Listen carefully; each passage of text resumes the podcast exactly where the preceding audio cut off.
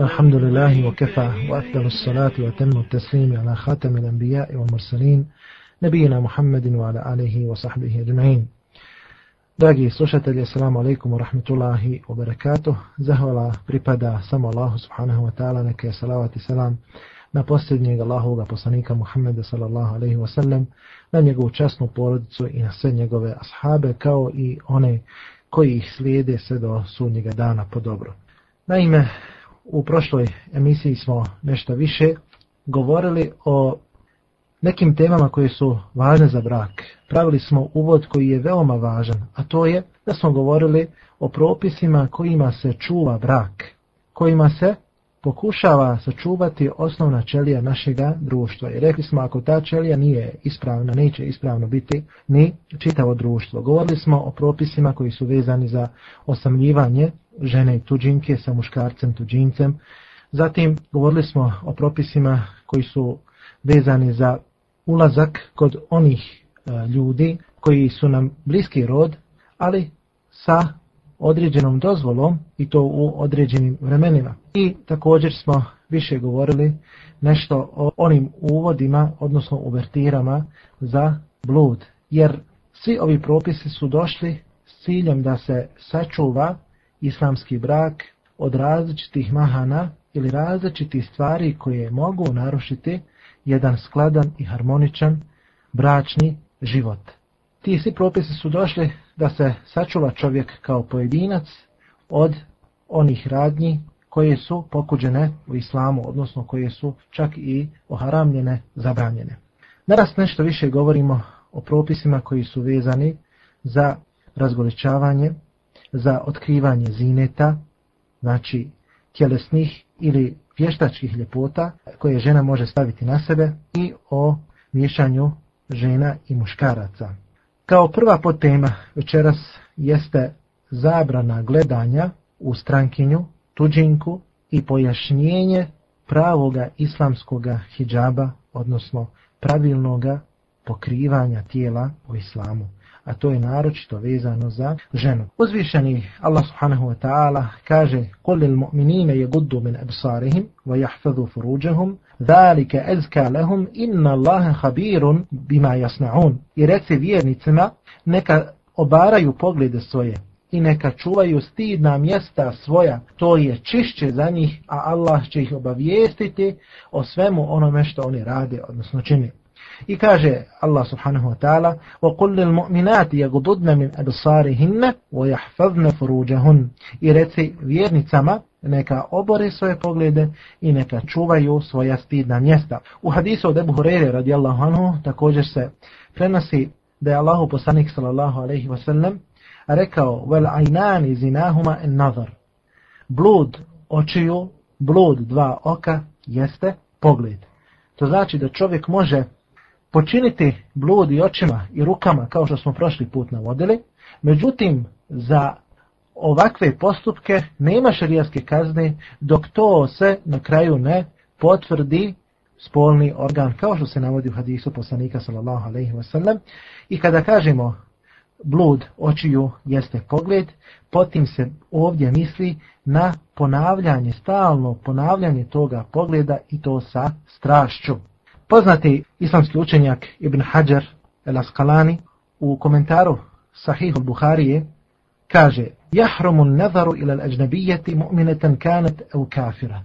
Zabranjeno je gledati u tuđinku bila ona vjernica ili nevjernica, svejedno je. Ishodno tome, zabranjeno je gledati u punoljetnu tuđinku bez ikakve potrebe za tim, pa makar takva tuđinka imala spojenu tuđu kosu. Također, ako čovjek pogleda nenamjerno, onda to ne povlači za sobom nikakve posljedice, kao kada čovjek uslovno rečeno slučajno pogleda, jer vjerovjesnik sallallahu alaihi sallam je rekao Aliju ibn Abi Talibu radijallahu anhu, ja Ali, la tutbi'in nazrate en nazra. Nemoj da jedan tvoj pogled prati onaj drugi u Alija, jer tvoj je prvi, ali nije i drugi. To jeste kada jedan put pogledaš ono što je zabranjeno, to se računa slučajnim pogledom, onda ne zadržavaj svoj pogled, nego ga obori i ne imaš pravo na drugi pogled. Jer je uzvišen Allah subhanahu wa ta'ala rekao i reci vjernicima neka obore poglede svoje i neka čuvaju stidna mjesta svoja. Ovdje i drugi hadis od poslanika alaih salatu wasalam, u kome se kaže ma min muslimin yanzuru ila mehasin imra'atin summa yaguddu besarahu illa ahlef Allahu lahu ibadatin ba'da halavetiha. Evo jeđidu halavetaha. Kaže se svaki musliman koji pogleda u tjelesne ljepote neke žene tuđinke, a zatim obori svoj pogled, Allah subhanahu wa ta'ala će mu dati ibadet, ljubav za ibadetom, tako da će čovjek u robovanju Allah subhanahu wa ta'ala osjećati poseban užitak i posebnu slast.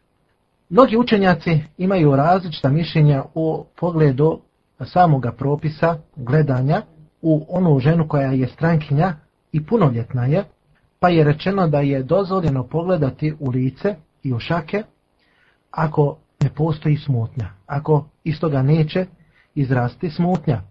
Oni su to argumentirali dozvoljenošću otkrivanja lica i šaka u namazu i kada je žena u hramu odnosno kada je i na hađu. Jer je Allah subhanahu wa ta'ala kaže Illa ma zahra minha, navodeći propis o pokrivanju, pa kaže da pokrije osim onoga što je i onako vanjsko, osim onoga u drugom prijevodu što se samo po sebi pojavi.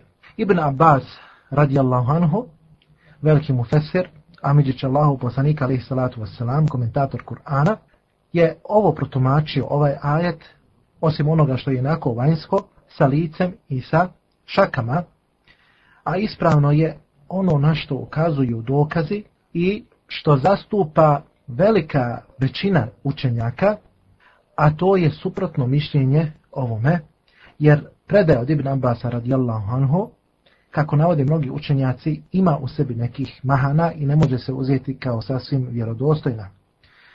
Također, šejhul Islam Ibn Taymije je tumačenje Ibn Abbasa protumačio tako da je ovaj propis posebno naveden za hijab, za pokrivanje, prije samoga objavljivanja ajeta o hijabu. Jer čitava žena, sva žena, cijelo tijelo žene je avret kao što smo navodili u prethodnom hadisu, u prethodnom predavanju, a Ibn Dževzi rahimehullahu ta'ala navodeći komentar ovoga ajeta kaže ovaj ajet nam donosi znanje da je zabranjeno gledati u bilo koji dio žena tuđinki bez opravdanja.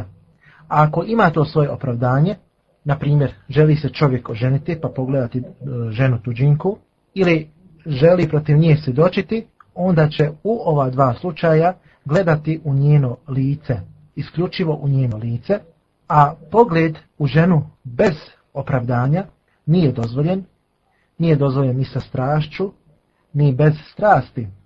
Bez obzira gledao čovjek u lice, gledao u šake ili neke druge dijelove tijela. Ako neko kaže i upita odmah, zašto onda namaz žene nije pokvaren ukoliko ona otkrije lice u njemu i žena otkriva lice u namazu, onda je rečeno da u pokrivanju lica u namazu je posebna teškoća, pa je to oprošteno od Allaha subhanahu wa ta'ala. Također, svi imami se slažu da je obaveza ženi da nosi hijab, da se islamski oblači, i to argumentiraju riječima uzvišenog Ja juhan nabiju قل لأزواجك وبناتك ونساء المؤمنين يدنين عليهن zalike edna ذلك أدنى أن يعرفن فلا يؤذين O vjerovjesniče, reci svojim suprugama i svojim kćerkama i ženama vjernika da niza se spuste ogrtače svoje. Tako će se lakše prepoznati i neće biti napastovane, odnosno neće biti izlagane uznemiravanjima. Također, oni su argumentirali riječima uzvišenog koji kaže voli hinna, a عَلَى hin i neka svoje prekrivače spuste ni za svoja prsa. A himar koji se navodi u riječima uzvišenog je sve ono što se pokriva ili čime se pokriva glava, čime žena pokriva glavu, sve dok to ne stigne do njenih prsa. Zato, nakon ovoga što smo rekli i na osnovu ovoga što smo rekli, dozvoljeno je gledati u djevojčicu do 9 godina i to bez strasti, jer ona uzima propis same djevojčice koja ima i manje godina i dozvoljeno je da se pogleda žensko tijelo, makar žena bila tuđinka, bila punoljetna, ukoliko je to radi liječenja, ali uz prisustvo njenoga muža, supruga ili njenoga bliskoga srodnika. Također dozvoljeno je pogledati u ženu, na primjer staricu, čije gledanje ne izaziva strast ili u ženu koja je, na primjer, ružnoga lica, jer se time ne izaziva strast i to se odnosi samo isključivo na njeno lice, jer uzvišeni kaže والقواعد من النساء اللاتي لا يرجون نكاحا فليس عليهن جناح أن يدعن ثيابهن غير متبرجات بزينة وأن يستعففن خير لهن a stare žene koje više ne žele brak, to jeste kojima je, kako se kaže u tefsiru, komentaru Kur'ana, prestao menstrualni ciklus, one nemaju zapreke da odlože svoje ogrtače, ali da se ne razgoličavaju i ne pokazuju svoje unutrašnje ukrase. Wa en a da budu čedne, bolje je za njih. Također, muškarac ima pravo da gleda u svoje bliske srodnice, to jeste one s kojima mu je zabranjeno da uđe u bračni odnos, bilo da se to radi o srodstvu po krvi, srodstvu po mlijeku ili srodstvu po tazminstvu. Jer uzvišeni kaže ولا يبدين زينتهن إلا لبعولتهن أو آبائهن i neka svoje ukrase ne pokazuju osim svojim muževima ili svojim očevima. Imam Šafi'i, rahimahullahu ta'ala, neka mu se Allah smiluje, imam Ahmed, e, također zabranjuju da žena gleda u muškarca kao što je zabranjeno muškarcu da gleda u ženu. A Ibn Mas'ud, radijallahu anhu je one riječi uzvišenoga illa ma zahra minha, osim onoga što je inako spoljašnje i vanjsko, ili smo naveli drugi prijevod, osim onoga što se samo po sebi pojavi, je protumačio da je to ženin ogrtač, da je to njena vanjska odjeća, ono što se znači mora samo po sebi vidjeti i pojaviti i e, ovo mišljenje se uzima i ono je prioritetnije. O stvari koji ukazuju na opasnost gledanja odnosno samoga pogleda, jesu i riječi jednoga pjesnika koji kaže Navretum fe tisametum fe selamun fe kelamun fe fe Kaže prvo dolazi pogled, pa onda dolazi osmih, pa onda dolazi pozdrav, pa onda dolazi govor, pa onda dolazi zakazani rok za sastanak i dolazi konačni susret. Zato je Allah subhanahu wa ta'ala naredio vjernicama da se pridržavaju hijjaba, i da čuvaju svoje poglede. Uzvišeni kaže Ja ejuhan nebiju kud ne ezvađuke o benatike u nisa il mu'minin yudnine min bihin. O vjerovjesniče, svojim suprugama i svojim kćerkama i ženama vjernika da spuste niza se svoje ogrtače. Ovo je taj šarijetski propisani hijab, kao što kaže Ibn Kesir, rahimahullahu ta'ala, neka mu se Allah smiluje, u komentar ovoga ajeta Allah subhanahu wa ta'ala naređuje svojem poslaniku, a on se pokoravao Allahu subhanahu wa ta'ala, da naredi ženama vjernicama posebno i također posebno svojim suprugama i svojim kćerkama da bi očuvala svoju čast da spuste niza se svoje ogrtače kako bi se razlikovale od onih žena iz džahilijeta, iz paganskog doba i kako bi se razlikovale od robkinja, jer u to doba kada je živio Allahu poslanik sallallahu alejhi ve sellem je bio uveliko zastupljen robovlasnički sistem. Kada spominjemo džilbab koji je naveden u riječima uzvišenoga, onda mislimo na posebnu odjeću, na poseban ogrtač koji se stavlja preko prekrivača koji je spomenut u riječima uzvišenog voli adribne ala džujubihin i neka svoje pokrivače spuste ni za svoja prsa. Također Ibn Mesud, Ubeide i Katade i drugi kažu da prenose od Alija ibn Ebi Talhe, od Ibn Abasa da je rekao Allah uzvišeni je naredio vjernicima, to jeste ženama vjernika, kada izađu iz svojih kuća radi kakve potrebe, da pokriju svoja tijela, između ostalog da pokriju svoja lica, da to pokrivanje počne od njihovih glava, tako što će se pokriti džilbabima.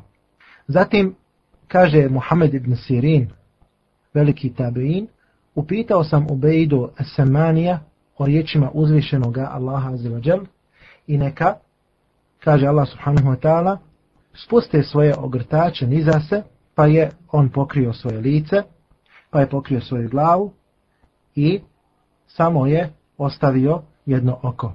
Pa je Ikrime rekao da će žena pokriti svoja prsa svojim džilbabom, to jeste svoj džilbab će spustiti preko svojih prsa. I kaže Ibn Abi Hatim, prenoseći od Ummu Seleme, majke vjernika, da je rekla, kada je objavljen ovaj ajet, to jeste judnin alejhinne min dželabi bihin, neka niza se spuste svoje ogrtače, da su žene ensarike izašle, a hodale su tako kao da su na njihovim glavama crni gavranovi, u alejhinne sud neha.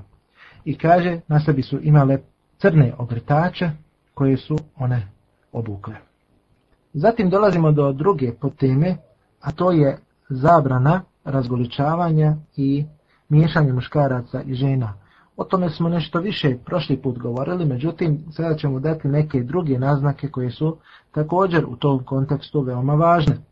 Mi smo rekli prošli put da se samo razgoličavanje i miješanje muškaraca i žena smatra jednim od uvoda za ono što je Allah subhanahu wa ta'ala zabranio, a to je blud, odnosno Zinaluk smatra se jednim od motiva ka tome činu koji u šerijatu nije nimalo opravdan.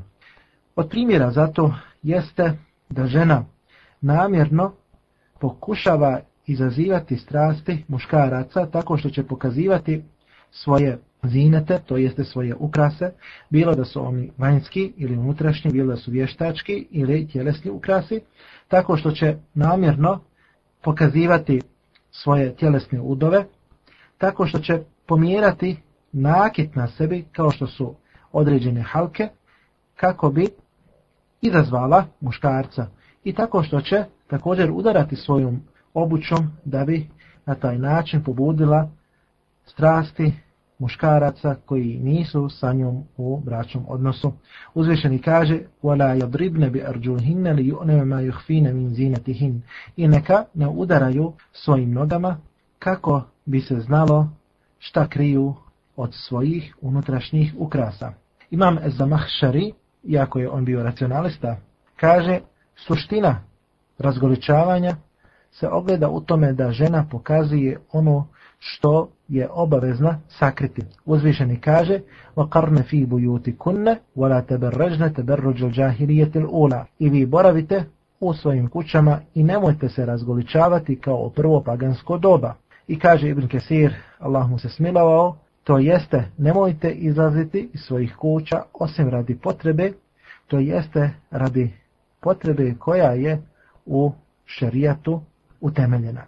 Isto tako, jedan od povoda za blud jeste da se oblači providna, uska odjeća koja pokazuje tjelesne ljepote žene i da se žena na takav način izlaže pred muškarcima koji su za nju tuđinci, koji nisu u bliskom srodstvu sa njom. Vjerovjesnik Alehi Salatu je zabranio to, a posebno je upozorio na one žene koje će se pojaviti pred sudnji dan, kasijatun arijat, žene koje su obučene, a gole. Znači, svojom odjećom nisu pokrile svoje tjelesne udove. To su one koji oblače providnu odjeću, koja ih ne pokriva u potpunosti, ne pokriva sve one dijelove tijela koji su propisani da se pokriju, pa kaže u hadisu poslanika alaih sratu sinfani min ahli nari lem arahuma.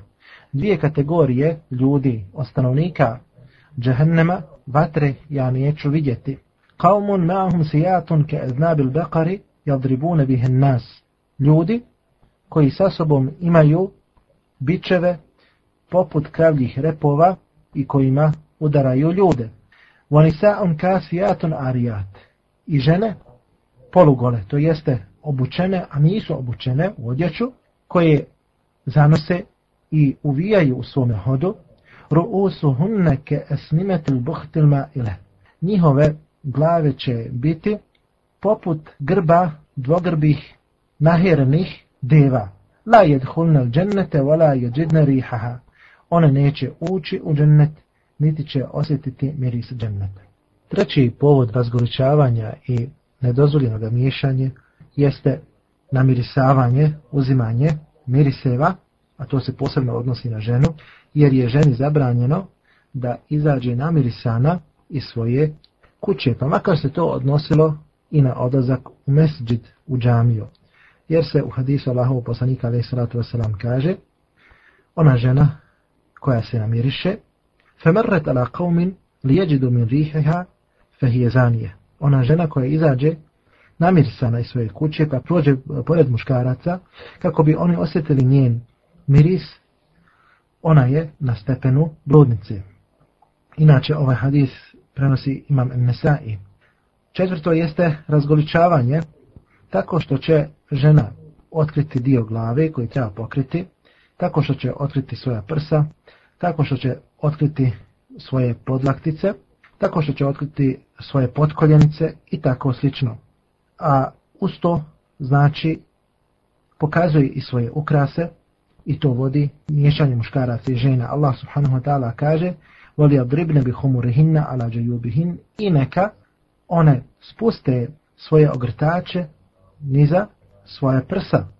Također i one žene koje su starice, Allah subhanahu wa ta'ala im je olakšao tako što im je rekao da ne moraju oblačiti i stavljati na sebe svoje ogrtače, ali ni one nemaju pravo da se razgoličavaju i da pretjerano pokazuju svoje ukrase jer uzvišeni kaže والقواعد من النساء اللاتي لا يرجون نكاحا فليس عليهن جناح أن يضعن ثيابهن غير متبرجات بزينة وأن يستعففن خير لهن والله سميع عليم stare žene koje ne žele više brak, to jeste kao što smo rekli na početku, one koje nemaju više menstrualni ciklus, one nisu griješne, ukoliko odloži svoje ogrtače, ali da ne pokazuju svoje ukrase, a da budu čedne i da se suzdrže od toga im je bolje, a Allah subhanahu wa ta'ala se čuje i se zna.